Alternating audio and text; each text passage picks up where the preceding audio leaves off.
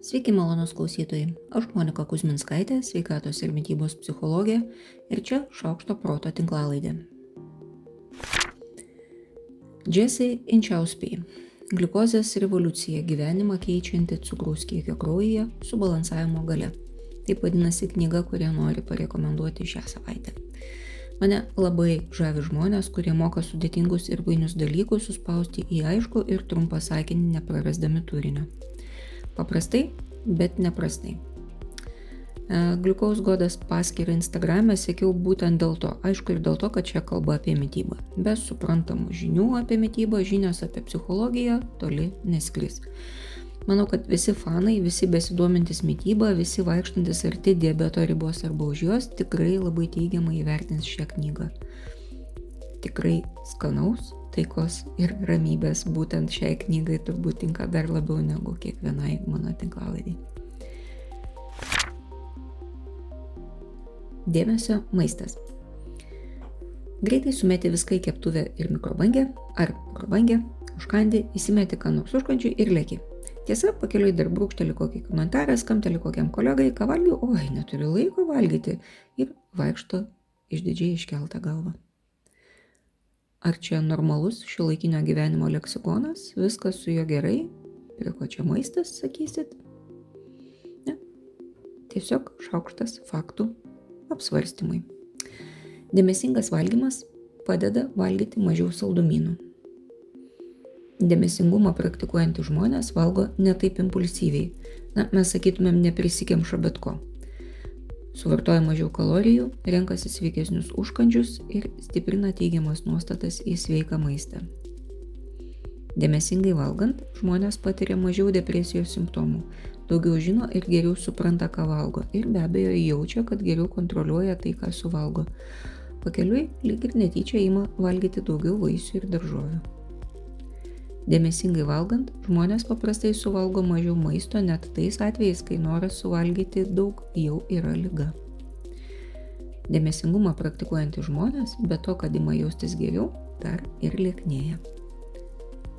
Čia visur, kur sakau dėmesingumas, yra tas pats, kas angliškai mindfulness. Jei ieškosit patys, neužmirškit ir mindful eating. Ką visų to noriu pasakyti? Nelėkit, neįsimeskit, neužkaskit. Čia visų pirma, Atsisėskit ir atidžiai apžiūrėkit, kokios kūrybinės medžiagos duodat savo nuostabiam organizmui, iš kurios jis gamins ir statys naują jūs. Skirkit laiko savęs kūrimo procesui, skirkit tam vietą, skirkit tam aplinką ir kompaniją. Čia lėkštėje juk naujas jūs. Sustabdykit ir sukaupkite dėmesį į maistą. Kokios spalvos jūsų maistas, kokios formos. Ar yra spalvų ir formų skirtumų? Kokie jie? Ar maistas geriau atrodo baltoje ar spalvotoje lėkštėje?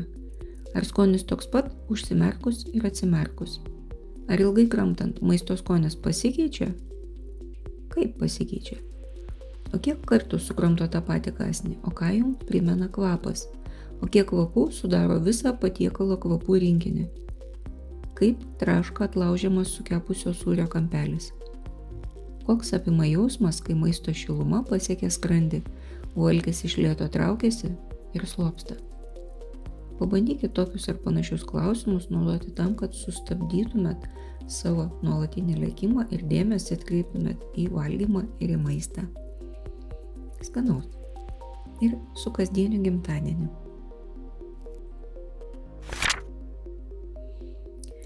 Miego apnėja yra susijusi ne tik su to, kaip ramiai miega jūsų partneris ar partnerė, bet ir su virškinimo trakto sveikata bei svoriu.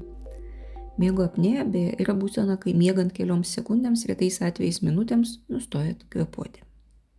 Patiriant miego apnėją, organizme aptinkama daugiau leptino, tačiau taip pat didėja atsparumas leptinui, greičiausiai dėl to didėja ir viršsvoris, nors šiaip jau leptino komanda yra nekaupti riebalų.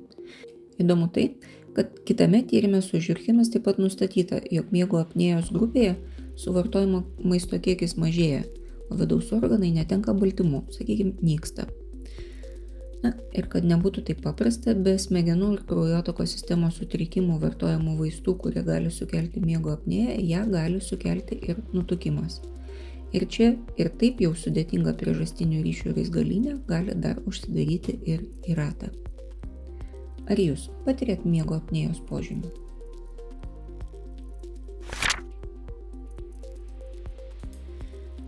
Kibernetinių specialybių, na, čia spėjau labiausiai saugumo, darbuotojai yra samdomi vertinant jų techninės žinias, o lygiai taip pat svarbios ar net svarbesnės socialinės ir asmeninės savybės lieka nuo šalyje, sako šio tyrimo autoriai. Na, aš nežinau, niekada nesamdžiau kibernetinių specialybių darbuotojų, gal e, jūs tai darėt ir pasidalinsit tuo, kaip juos vertinat, o aš kol kas papasakosiu, kas man buvo įdomu šiame tyrimė. Manęs neapleidžia mintis, kad kalbant apie kibernetinį saugumą apskritai, taip dažnai akcentuojama žmogiškų klaidų ir žmonių elgesio svarba. Vadinasi, gebėjimas suprasti žmonės ir jų veiksmus čia yra kritiškai svarbus.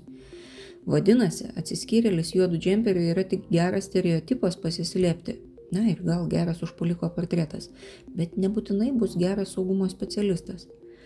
Šio tyrimo autoriai siūlo vertinti kognityvinius gebėjimus, na, bet šiukštų ne akademinius pasiekimus, nes Street Smart jeigu išsireikšim angliškai, žmogus gali turėti lygiai taip pat vertingų gebėjimų analizuoti ir integruoti žinias ir vien diplomas ar jos spalva to dar neįrodo.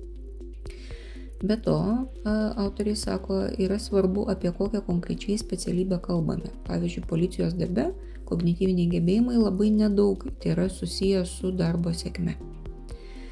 Organizacijos ir žmogaus vertybių atitikimas gali būti labai svarbus, nes būtent šiai darbuotojų grupiai, kibernetinio saugumo specialistam, yra atiduodami valdyti svarbiausi organizacijos resursai. Dar svarbu dėmesį kreipti būtent į tas situacijas, kuriuose tokių specialistų vaidmuo pasidaro kritinis ir būtent juose pasireiškiančių asmeninių ir socialinių savybių rinkinį. Ką daryti? Autoriai siūlo ieškoti sisteminio mąstymo arba, kaip sakom, žvilgsnio iš aukščiau žmonių linkusių dirbti komandoje. Kas vertinant iš kitų tyrimų, žinoma, žemo sutarumo savybė, tai ypač svarbus aspektas. Dažniausiai saugumo specialistai veikia kaip grupė didesnėje grupėje ir retai kada gerai integruojasi didesniai komandai. Pareigos jausmas, lojalumas idėjai, komandai, įmonė ir net šaliai gali būti svarbus asmeninio atsparumo motivacinis veiksnys, į jį irgi verta atkreipti dėmesį. Na ir galiausiai noras ir gebėjimas nuolat mokytis gali rodyti ne tik mąstymo lankstumą, bet ir užtikrinti naujausių ir efektyviausių metodų naudojimą. E, gebėjimas interpretuoti ne techninę, o dažnai ir neverbalinę informaciją arba kaip dažniausiai tai vadinam emocinis intelektas, yra labai svarbus efektyviai komunikacijai ir jį tampa ypač svarbi, kai temtoj situacijoje reikia greitų ir tikslių sprendimų. Tai žmogus pasižymė geru emociniu intelektu, jį irgi reikėtų vertinti, vertinti kaip geresnį, tinkamesnį kandidatą.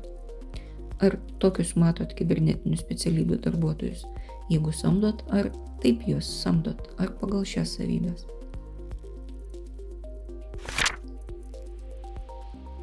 Paaugliai, kurių tėvai pradeda gyventi atskirai arba išsiskiria, patiria daugiau streso po skirybų negu iki jų.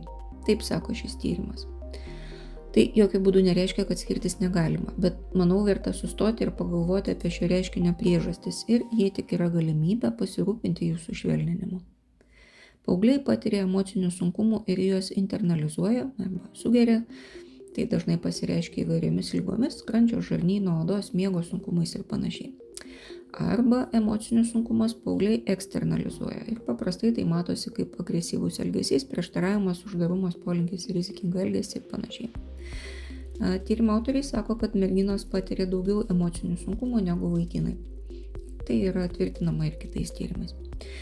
Gali būti, kad po skirybų suprastėja kiekvieno iš tėvų socioekonominė padėtis, o tai gali reikšti vaikam ir kitokias mokyklas, ir kitokius draugus, ir kitokias veiklas. Tai gali būti viena iš priežasčių. Be to, paauglystėje smegenyse vyksta daug aktyvių pertvarkos procesų, o tai gali reikšti ir resursų trūkumo emociniai įtampai apdoroti. Poveikis psichinė sveikatai, sako autoriai, lieka pastebimas iki pat suaugusiojo amžiaus. Ir net jei tai nėra iš esmės neigiamos emocijos, gali būti ir taip, tėvų skirybos vis tiek reiškia daug ir stiprių pokyčių gyvenime, o tai vis tiek reikalauja papildomų pastangų ir stiprina nesaugumo jausmą. Tai jeigu jau kalbėti apie kažkokį tinkamesnį laiką, tai turbūt reikėtų labiau galvoti apie visiškai jauną vaikų amžių, kol dar vaikai visai maži, arba jų dar nėra, arba jie yra jau suaugę. Tai tada laikas ir bus tinkamiausias.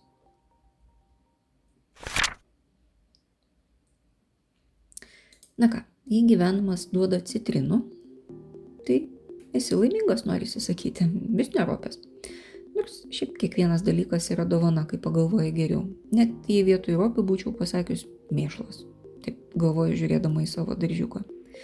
Tai jei jau turime delną telpančią viso pasaulio dydžio biblioteką, tai galim ją panaudoti ir vertingai.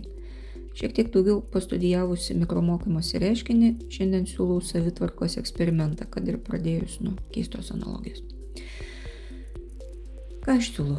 Peržiūrėkit viską, ką turit savo telefone. Ir programėlės, ir jų turinį. Ar tai jums iš tiesų yra naudinga? Ar ko nors iš to išmokstat? Ar naudojat tuos visus matomus jūsų rengimos ir makiažo patarimus? Ar keičiat savo maisto gaminimo ir namų tvarkymo įpročius? Ar meistraujat, piešiat, gaminat rankdarbius ir žaidžiat su vaikais taip, kaip matot kitus darant? Žinau, labai norisi sakyti, kad vartydami įvairius linksmus ir galimai praktiškus video taip pat ilsimės. Tačiau neurologiškai tai netiesa, mes vis tiek gana intensyviai apkraunam dopamino sistemą. O tai yra viena iš stresinių būsenų. Tai yra, kas tik norit, bet ne poilsis. Jeigu jau labai reikia analogijos, tai yra panašu į intensyviai kratomą braškutį kūdikiai prieš akis. Jeigu jau norit ilsėtis, tai ilsėtis tikrai geriau padės meditacijos programėlė arba jūs raminančios muzikos grojaraštis, kurio galit pasiklausyti patogiai atsisėdę ir užsimerkę. Ką aš siūlau?